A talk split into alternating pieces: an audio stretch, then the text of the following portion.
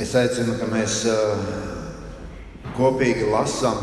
Jūs varat paņemt Bībeles un sekot līdzi no Mateja evaņģēlīja 26. nodaļas, pirmos 13 pantus. Es aicinu, varam piecelties un lasīt šos vārdus.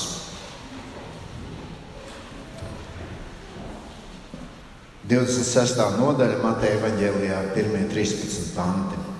Un notika, kad Jēzus bija pabeidzis visas šīs runas, tad viņš sacīja saviem mācekļiem: Jūs zināt, ka pēc divām dienām būs pasākums, un cilvēka dēls tiks nodots, lai viņu krustā sistu. Tad sapulcējās augstie priesteri un ļaužu vecai augstā priestera Kajafas pilī, un tie apspriedās, kā Jēzu ar viltu saņemt un nokaut. Bet tie sacīja, tikai ne svētkos, lai ļaudīs neceltos nemiers.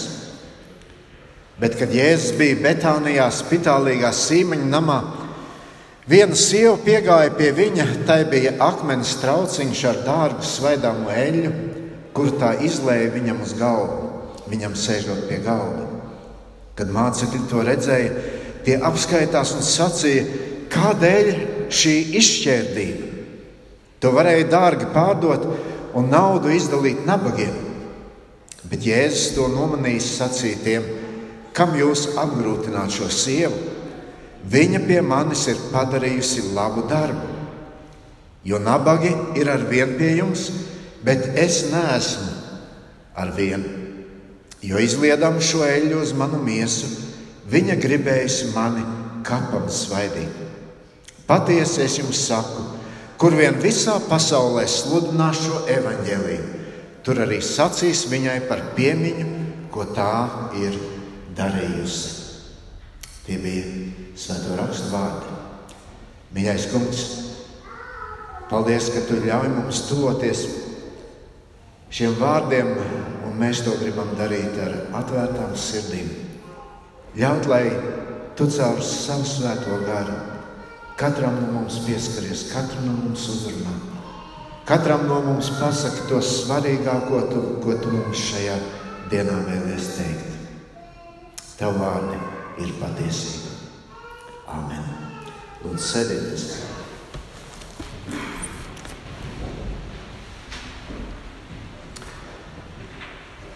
Mēs jau ilgu laiku esam pārdomās par Mateja evaņģēliju, un nu, mēs esam nonākuši pie tā, es domāju, varam tā teikt, paša svarīgākā Jēzus dzīves perioda, kādēļ Jēzus vispār nāca šajā pasaulē. Un šodien Matejs mums rāda vairākas cilvēku grupas, jeb vairākus cilvēku tipus, jeb kategorijas. Viņš rāda, kā notiek sagatavošanās Golgātas notikumiem.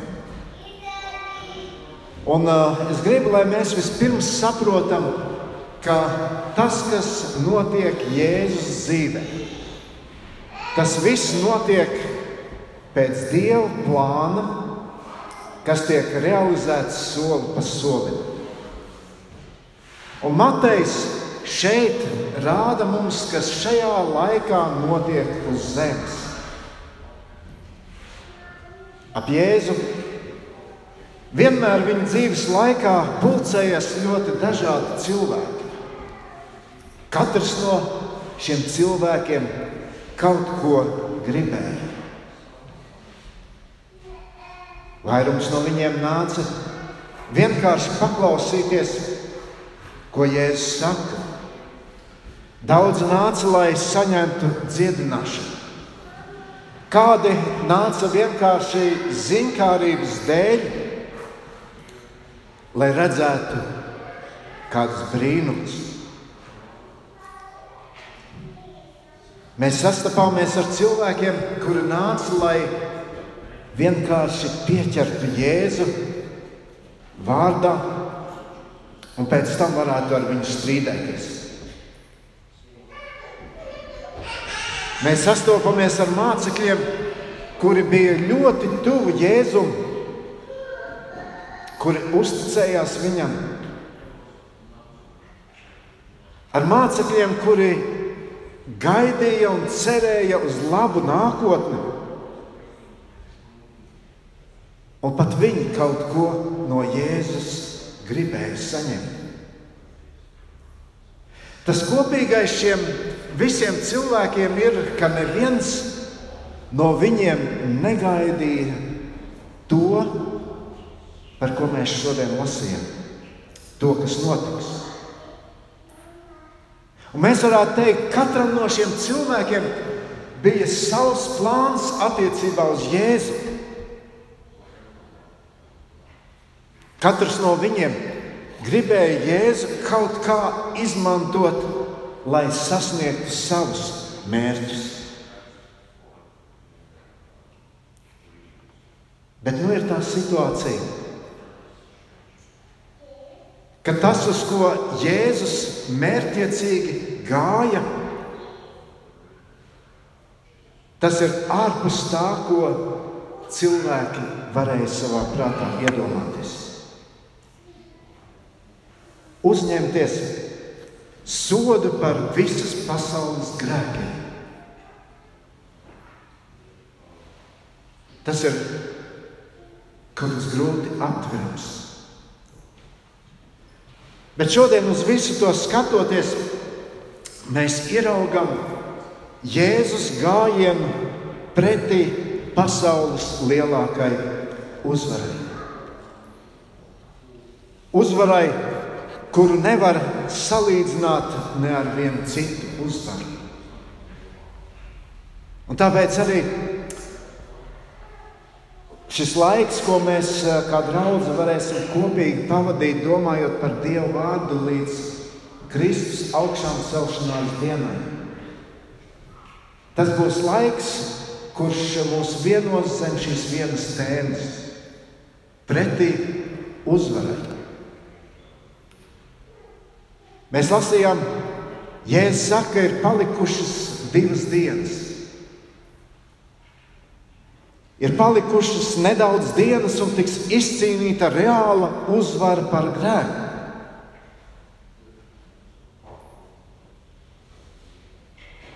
Kā jau sacīju, mēs esam sastapušies ar Jēzu, kurš varēja stundām runāt, un cilvēki viņā klausījās. Mēs sastapāmies arī ar Jēzu, kurš Mīlēja būt vienatnē, lai sarunātos ar savu tēvu.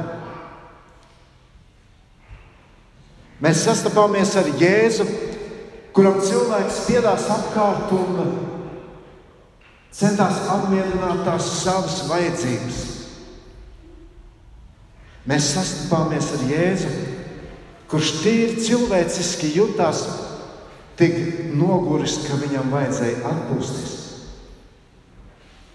Bet šīs pēdējās nodaļas Mateja evanģēlijā un notikumi tajās tie ir tik ļoti emocionāli piepildīti. Un visi evanģēliji īpaši pievēršas šiem notikumiem. Un man liekas, viss mūsu domas virza uz tā, izdzīvot to izdzīvo to kopā ar Jēzu, lai tu zinātu ne tikai šo faktu, bet kaut ko daudz vairāk. Un šodien mēs pārdomāsim šos vārdus, kurus kur mēs redzam trīs cilvēku grupas, jeb trīs tipus, kuri bija kopā ar Jēzu Kristu šajā laikā. Vispirms mēs tur redzam, tur ir Jēzus mācekļi, pie kuriem Jēzus griežas un atkal atgādina, mani nodos, man būs jācieš, un es miršu. Un tad mēs redzam Jēzus pretiniekus. Mēs it kā nokļūstam viņu štābā un redzam, kas notiek tur, kādus plānus viņi kaļ. Un visbeidzot, mēs ieraugam vienkāršas sievietes sirdi, kura patiesi, nedomājot ne par ko citu, viņa nāk, viņa izrāda cieņu, pazemību Kristum. Diezgan liela kontrasta. Bet tur mēs ieraugām šo dinamiku, kā šie notikumi attīstās. Bet, kad mēs raugamies uz šiem notikumiem, es ļoti vēlos, ka kaut mēs spētu ieraudzīt sevi. Kaut mēs šodien spētu ieraudzīt šo savu attieksmi. Un, mīļie, mūsu attieksme pret Jēzu, mūsu attieksmes pret Jēzus, Jēzu mēraukla ir mūsu attieksme pret Jēzus Golgātas upuri. Par to ļoti daudz ir rakstīts Bībelē. Tieši tāpēc arī ir svarīgi atkal un atkal šos notikumus pieminēt. Un es atkārtošos, šodien pasaulē ļoti daudz tiek runāts par Jēzu, kurš dod, par Jēzu, kurš atbild uz lūgšanām. Bet tik maz tiek pieminēts Jēzus, kurš cieta, Jēzus, kurš nomira par mūsu grēkiem. Un domājot par šiem, šīm trīs cilvēku grupām, es mēģināju šos cilvēkus raksturot ar vienu vārdu. Protams, šis vārds jau, viens vārds jau nepasaka, nepasaka visu par šiem cilvēkiem. Bet šajā gadījumā šis vārds man liekas, viņus ļoti labi raksturo. Un tas varbūt palīdzēs arī mums atcerēties to, par ko mēs šodien domājam. Un tas pirmais vārds ir neizpratne. Neizpratne. Jēzus tikko ir vairākas stundas pavadījis kopā ar mācekļiem. Viņš ar viņiem ir runājis par savu otro atnākšanu, runājis par pēdējo tiesu, par nākotni, kas sagaida visus cilvēkus. Tie bija Jēzus tuvākie cilvēki. Cilvēki, kas palika ar Jēzu arī tad, kad mēs lasām Jāņa evanģēlijas 6. nodaļā, kad daudz simti aizgāja. Jo viņiem tas, ko Jēzus sacīja, tas viņiem likās par smagu. Un Jēzus jautāja šiem palikušajiem, arī jūs gribat aiziet? Viņi teica, nē kur mēs iesim.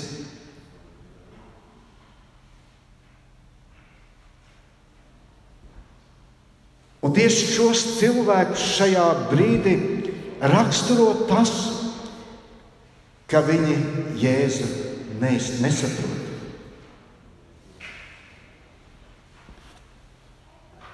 Vispār Jēzus par savu nāvi runāja diezgan bieži.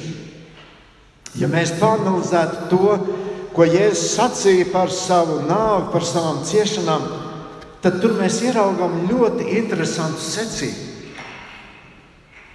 Atcerieties, vispirms mācekļi dzirdēja par Jēzus nāvi vēl pirms viņi sāka Jēzum sekot.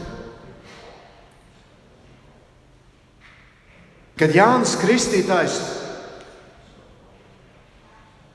norāda uz Jēzu, kurš tur tuvojas viņam, lai tiktu kristīts. Tas ir vēl pirms Jēzus uzsāk savu kalpošanu. Un Jānis viņu sagaida ar vārdiem, ko mēs lasām Jāņa evanģēlīja 1. nodaļā, 29. pantā. Viņš saka, redziet, Dieva jērs, kas nes pasaules grēku. Un noteikti cilvēki apkārt, kas tur bija, viņi saprata, par ko ir runa. Jo pie Jāņa pulcējas ļaudis, kas meklēja patiesību. Tie bija cilvēki, kuriem zināja, kas ir rakstīts vecajā derībā. Viņi zināja par pasāļu jēru. Pasāļu svētkos tūkstošiem šo dzīvnieku tika upurēti Jeruzalemes templī.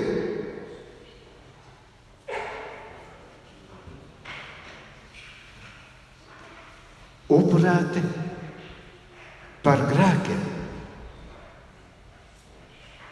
Un mēs lasām, ka, ka, e, ka, ka minimums divi no mācekļiem toreiz, kad Jānis Kristītājs šos vārdus teica, bija tur. Šajā pašā pirmajā nodaļā viņi ir pieminēti. Tur ir teikts, ka viņi bija divi, un viens no tiem - Andrejs Sīmaņa Pētera brālis. Jēzus nāk, lai uzņemtos visas pasaules grēku. Šie ļaudis zināja, kas ir rakstīts Iesaistas grāmatas 53. nodaļā. Viņš bija ievainots mūsu pārkāpumu dēļ un mūsu grēku dēļ satriekts. Mūsu sots bija uzlikts viņam, mums par atpestīšanu, ar viņa brūcēm mēs esam dziedināti.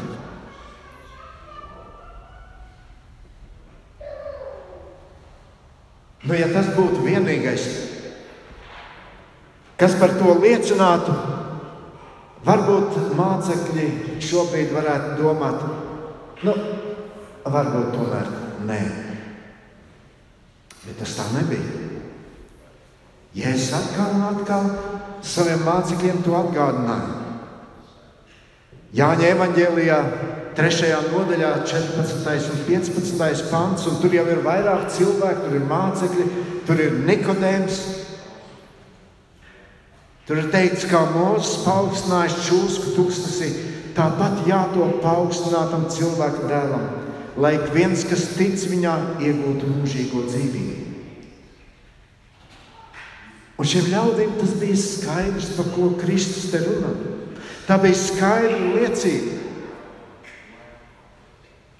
Vēlāk Jēzus jau runā konkrēti. Viņš Mateja evanģēlijas 16. nodaļā, 21. pantā. Mēs lasām, no tā laika Jēzus iesāka saviem mācekļiem rādīt, ka viņam vajagot noiet uz Jeruzalemi, daudz ciest no vecajiem un augstajiem priesteriem un raksturmācītājiem un tikt nokāpot. Un trešā dienā augšām celties. Jēzus tik atklāti par to runā ar mācekļiem. Ieklausieties, tas ir Dieva plāns, kuram es sekoju. Un lai arī šie cilvēki tajā brīdī noteikti saprata, tas sakrīt ar to, kas ir rakstīts vecajā derībā. Tas sakrīt ar to, ko saka Jānis Kristītājs. Mēs tur redzam, kā mācekļi to uztver. Viņi vienkārši nespēja to pieņemt. Viņiem liekas, Jēzu, tu kaut ko ne tā runā. Ne jau šī iemesla dēļ mēs tev sekojam. Un tad nu, apustulis Pēters, kurš vienmēr ir tas drosmīgākais, Viņš tikko ir apliecinājis, tu esi Kristus dzīvā Dieva dēls. Viņš saņem drosmi vēlreiz pasaukt Jēzus sāns un dot padomu, lai Dievs pasargā kungs, kā ar tevi tas nenotiek. Atcerieties, Jēzus toreiz viņam ļoti asi atbildēja. Viņš saka, atkāpies no manas sātana. Redziet, tikko sāks runa par ciešanām un nāvi, uzreiz rodas satraukums.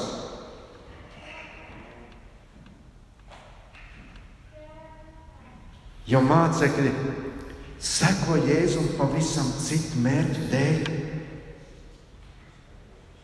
Viņi dzird, viņi zina, ka tā tam jānotiek. Jēzus par to runā,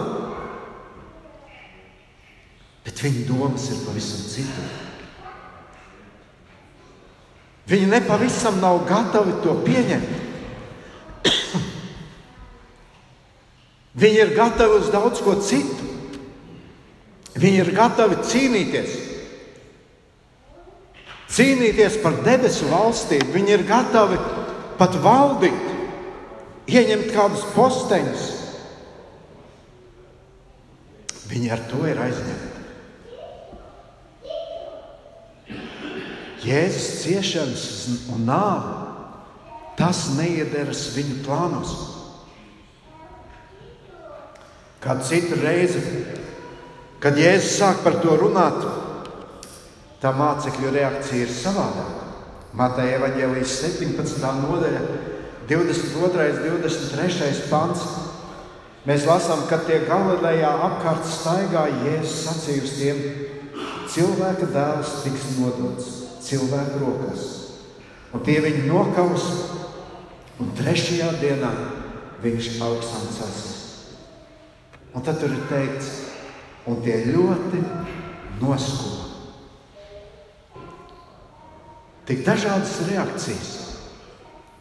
Un tie bija mācekļi. Mācekļi, kuri turpināja plānot savu dzīvi, kā viņiem likās pareizāk. Un tas, ko Jēzus saka, tas nekādu neiedaras viņa plānos. Un tad Mateja Vāģelī 20. nodaļa.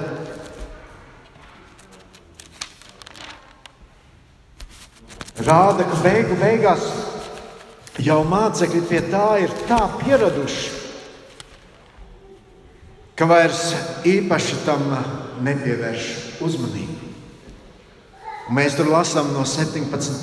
pānta sākot, bet dodamies ceļā uz Jeruzalemi Jēzus ņēma 12 mācekļus pie sevis un iedams tiem sacīja: Redzi, mēs ejam uz Jeruzalemi. Un cilvēku dēlu nodos augstiem priesteriem un raksturmācītājiem, un tie viņu notiesās uz nāvi un nodos pagāniem, lai tie viņu apbēdītu, šaustu un sistu krustā, un trešā dienā viņš augšām celsies. Un kad mēs tā sekojam visiem šiem notikumiem līdzi, ievērojot, kā Jēzus grib par to runāt.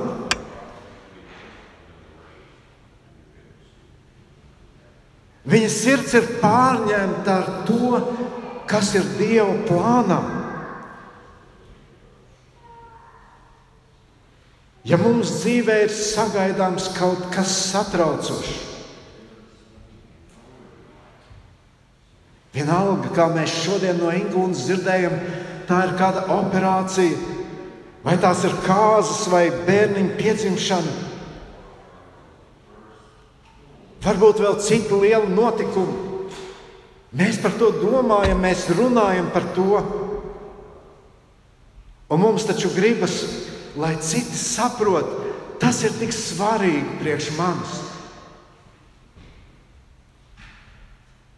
Te mēs to redzam arī Jēzus dzīvē. Bet šoreiz, šoreiz mācekļi pat nenoskumst. Viņi vienkārši pat neklausās tajā, ko Jēzus saka. Sākumā viņi dusmojās, tad viņi noskuma, bet te uzreiz, te uzreiz viņi pēc tam dala amatus debesu valstībā.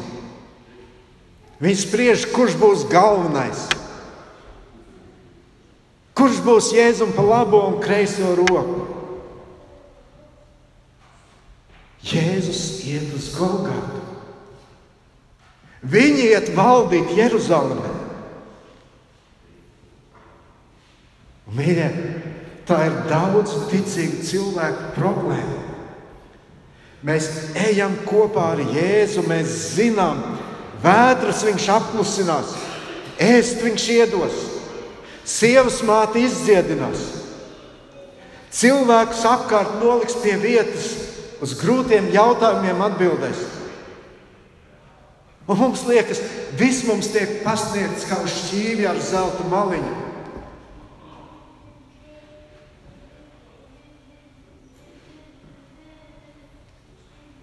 Paskatieties, ko Jēzus saka. 20. nodaļa, 27. un 28. pants. Viņš saka, un ja kas jūsu starpā grib būt pirmais, tas lai ir jūsu kalps. Tā kā cilvēka dēls nav nācis, lai viņam kalpotu, bet ka viņš kalpotu un atdotu savu dzīvību kā atpirkšanas maksu par daudziem. Jēzus apliecina, es esmu nācis, lai mirtu, lai mirtu par jums, un cilvēki viņu nesaprot. Kad Jēzus ir pabeidzis savu svētdienu, pie kā mēs kavējāmies pagājušajās reizēs, viņš atgriežas atkal pie šīs pašas tēmas. Un liek mācekļiem par to domāt, mēs lasījām, Jēzus ir pabeidzis visas šīs runas, tad viņš sacīja mācekļiem, jūs zināt, ka pēc divām dienām būs pasākums un cilvēka dēls tiks nodots, lai viņu krustā sist.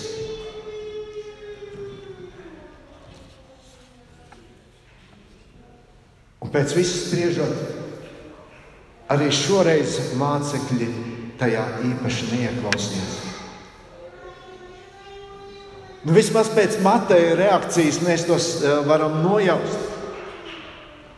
Matejs pēc tam sāk runāt par kaut ko citu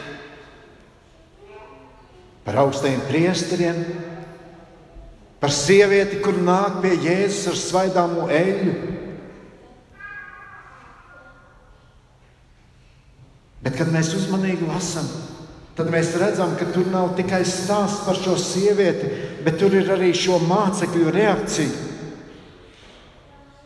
Viņi joprojām, joprojām viņi ir pārņemti ar savu mērķu piepildīšanu. Vajadzēja pārdot to eļļu. Cik naudas mēs par to dabūsim? To varētu izlietot labiem mērķiem. Un gribas teikt, ak, jūs mācāt.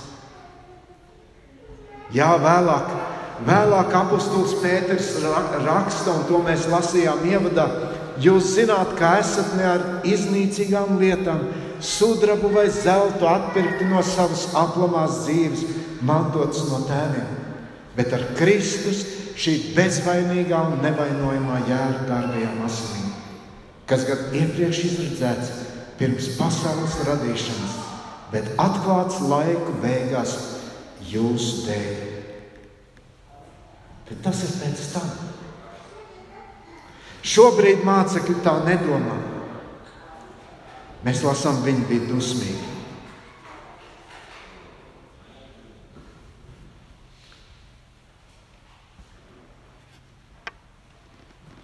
Šodien jau arī cilvēki nav pret jēzu. Mēs piedalāmies draudzes kalpošanā. Mēs ticam, ka mēs reiz būsim debesīs. Bet vai esam gatavi klausīties, ieklausīties un paklausīt Jēzu? Vai esam gatavi paskatīties uz šo pasauli ar Jēzus acīm?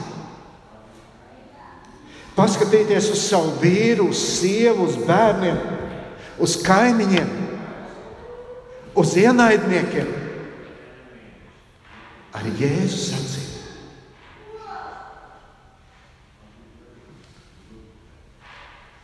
Un tad ir otra cilvēku grupa.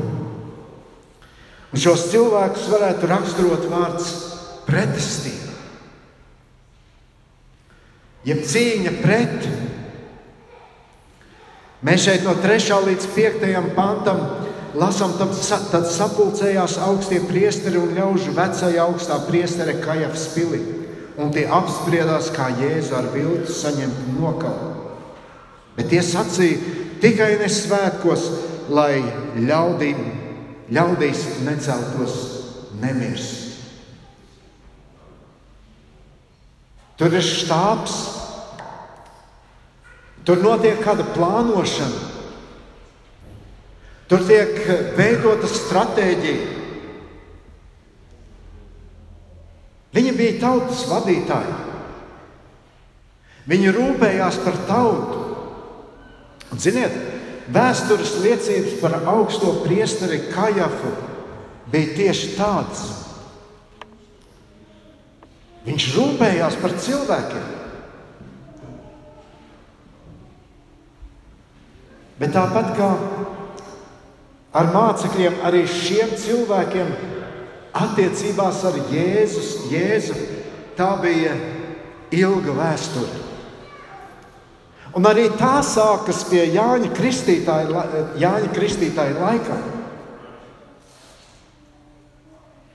Šie cilvēki bija izcili politiķi.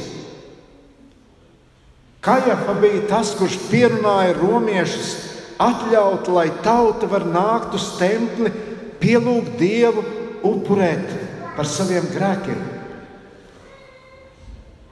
Pirms tam tā nebija.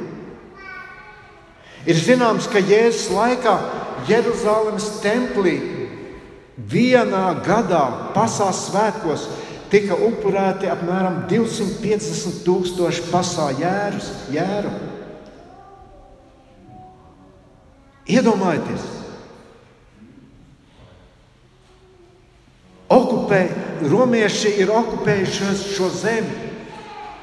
Un pēc likuma vienu upurēto jēru, jēru vajadzēja ēst desmit cilvēkiem. Kas tur notika? Tur bija vairāk kā divi miljoni cilvēku.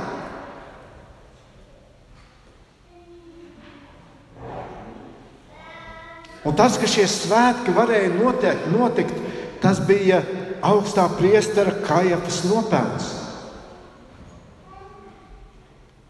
22 gadus viņš tur valdīja, bija augstais priesteris. Viņa pēctecis šo amatu ieņēma tikai 50 dienas. Un ir vēl citas liecības, kas rāda, Kajafu kā pozitīvu cilvēku, kurš rūpējas par tautu un jūdu reliģiju. Bet Jēzus viņam traucēja. Jēzus parādīšanās bija katastrofa šiem cilvēkiem. Un mēs lasām Marka evanģēlijā 1,22. Un ļaudis izbrīnījās par viņa mācību, jo viņš tos mācīja kā tāds, kam vara un nekā rakstu mācītāji.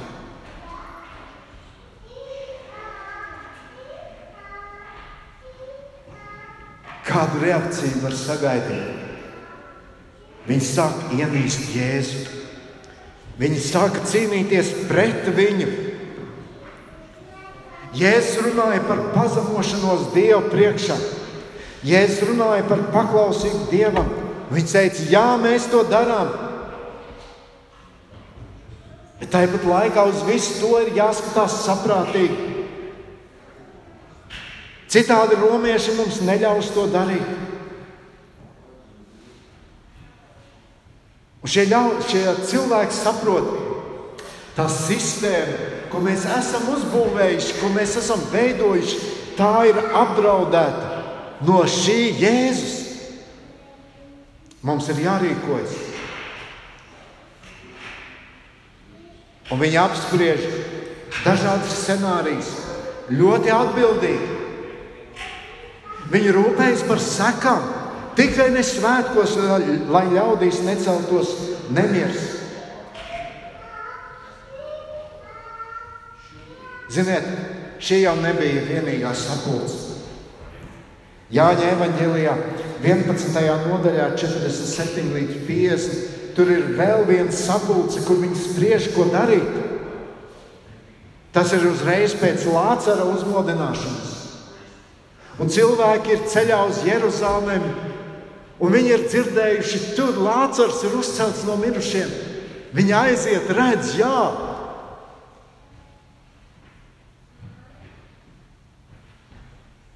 Šie cilvēki rūpējas, lai cilvēki citi varētu kalpot Dievam, bet viņi nogalina Dieva dēlu.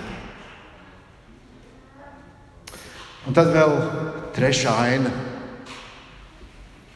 ko Matei šeit rāda. Un te ir tāda tīra, neviltota mīlestības parādīšana Jēzum. Es to nosauktu par cieņu. Mēs varētu nosaukt par pielūgsmu.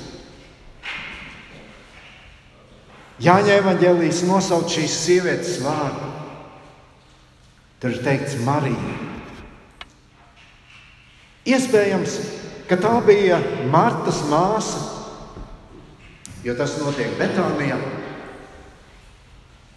Iespējams, ka viņa bija starp tām sievietēm, par kurām lasām Lūkas evanģēlijā 8. nodaļā, ka viņas kalpoja Jēzum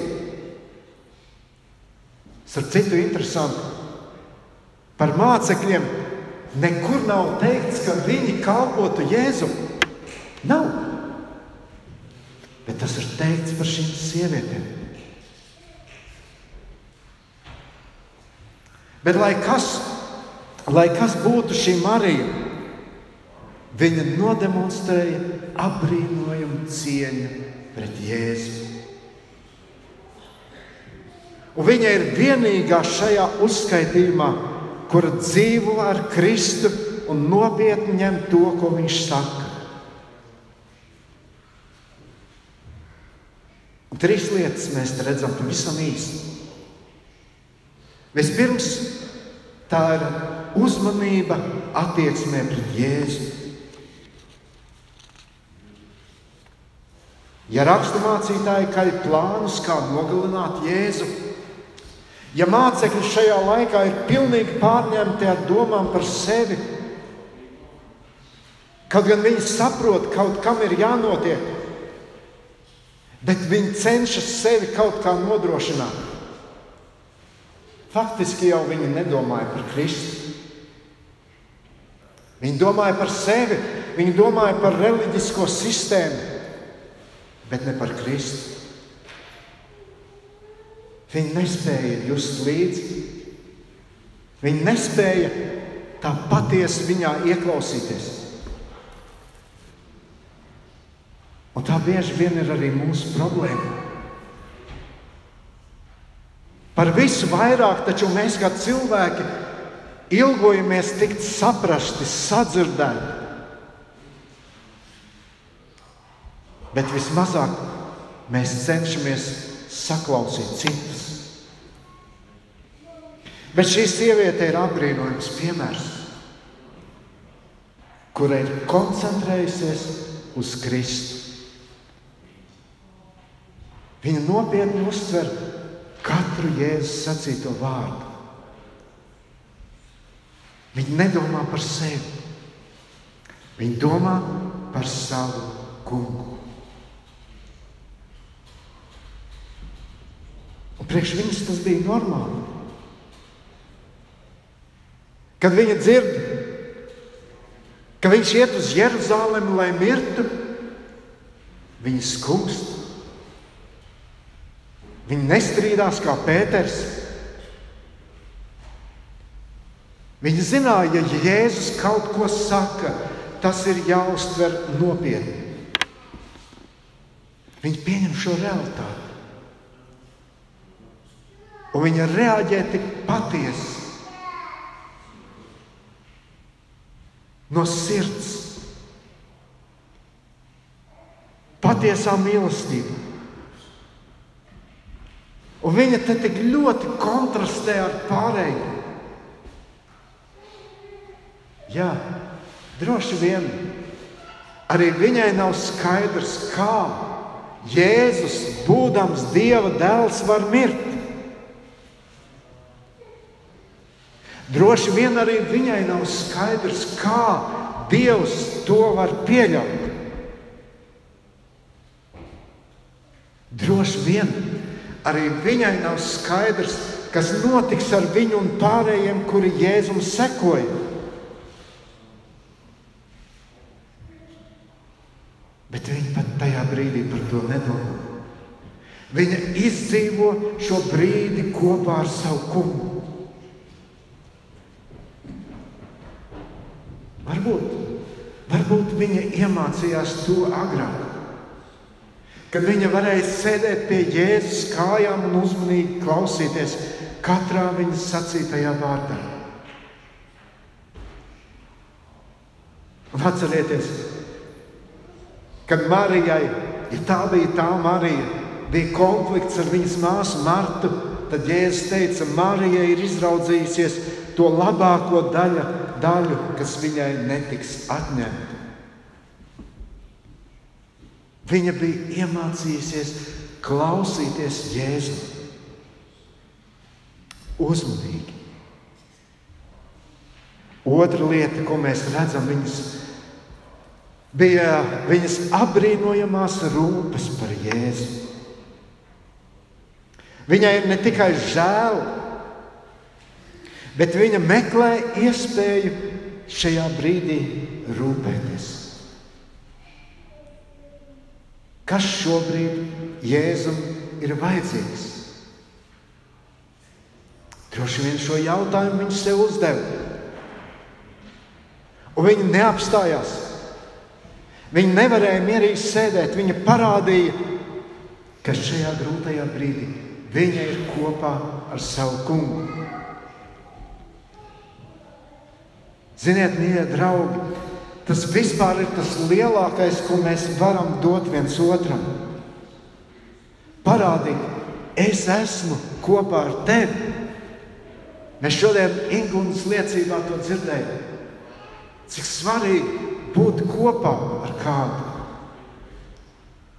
Un šī sieviete to parāda. Savu uzticību savam kungam. Un vēl, vēl mēs redzam apbrīnojumu upurēšanos Kristus labā. Eja maksāja dārgi ļoti dārgi. Marks saka, tie bija 300 denāriji. Tas ir apmēram tik, cik cilvēki tajā laikā pelnīja gada laikā. Mēs nezinām, cik bagāta bija šī Marija. Iespējams, viņai bija kāds vecāku mantojums. Varbūt viņa bija pati krājusi denāriju pie denārija, bet viņa šo eļļu bija iegādājusies. Varbūt speciāli šim brīdim. Bet viņi to darīja, jo saprata, ka šis ir īpašs brīdis Jēzus dzīvēm. Un tas izmainīja arī viņas dzīvi. Un pārsteidzoši, ka viņai iebild mācekļi, ne rakstu mācītāji. Iebild tie, kuri zināja, kas ir Jēzus, tie, kuri gatavojās valdīt kopā ar viņu. Tie, kuriem vajadzēja šo sievieti atbalstīt. Bet, lai kā būtu, viņi to darīja tik patiesi un no sirds. Viņa pie manis ir padarījusi labu darbu. Kas par vērtējumu? Kas par vērtējumu no paša Jēzus?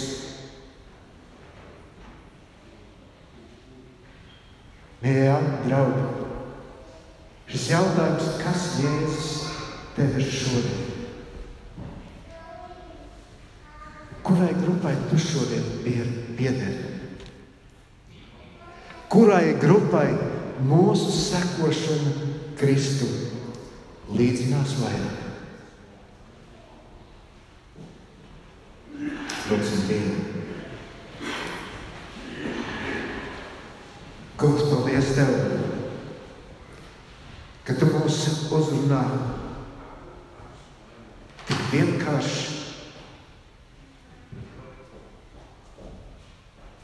Un Tavu vārdu mums ļauj ieraudzīt, kādai ir jābūt mūsu attieksmei. Un man lūkšana, kungs, ir, lai katram no mums šī attieksme pret tevi būtu patiesa, pazemīga, pilna mīlestības. Piedod, ka varbūt redzam tevi tikai mūsu vajadzību piepildīšanai, mūsu plānu realizēšanai. Bet, kungs, lai šī diena liek mums saprast, ka mēs tev esam vajadzīgi. Un tu mūsu dēļ izdarīji tik daudz. Tu atdevi savu dzīvību, lai mēs varētu dzīvot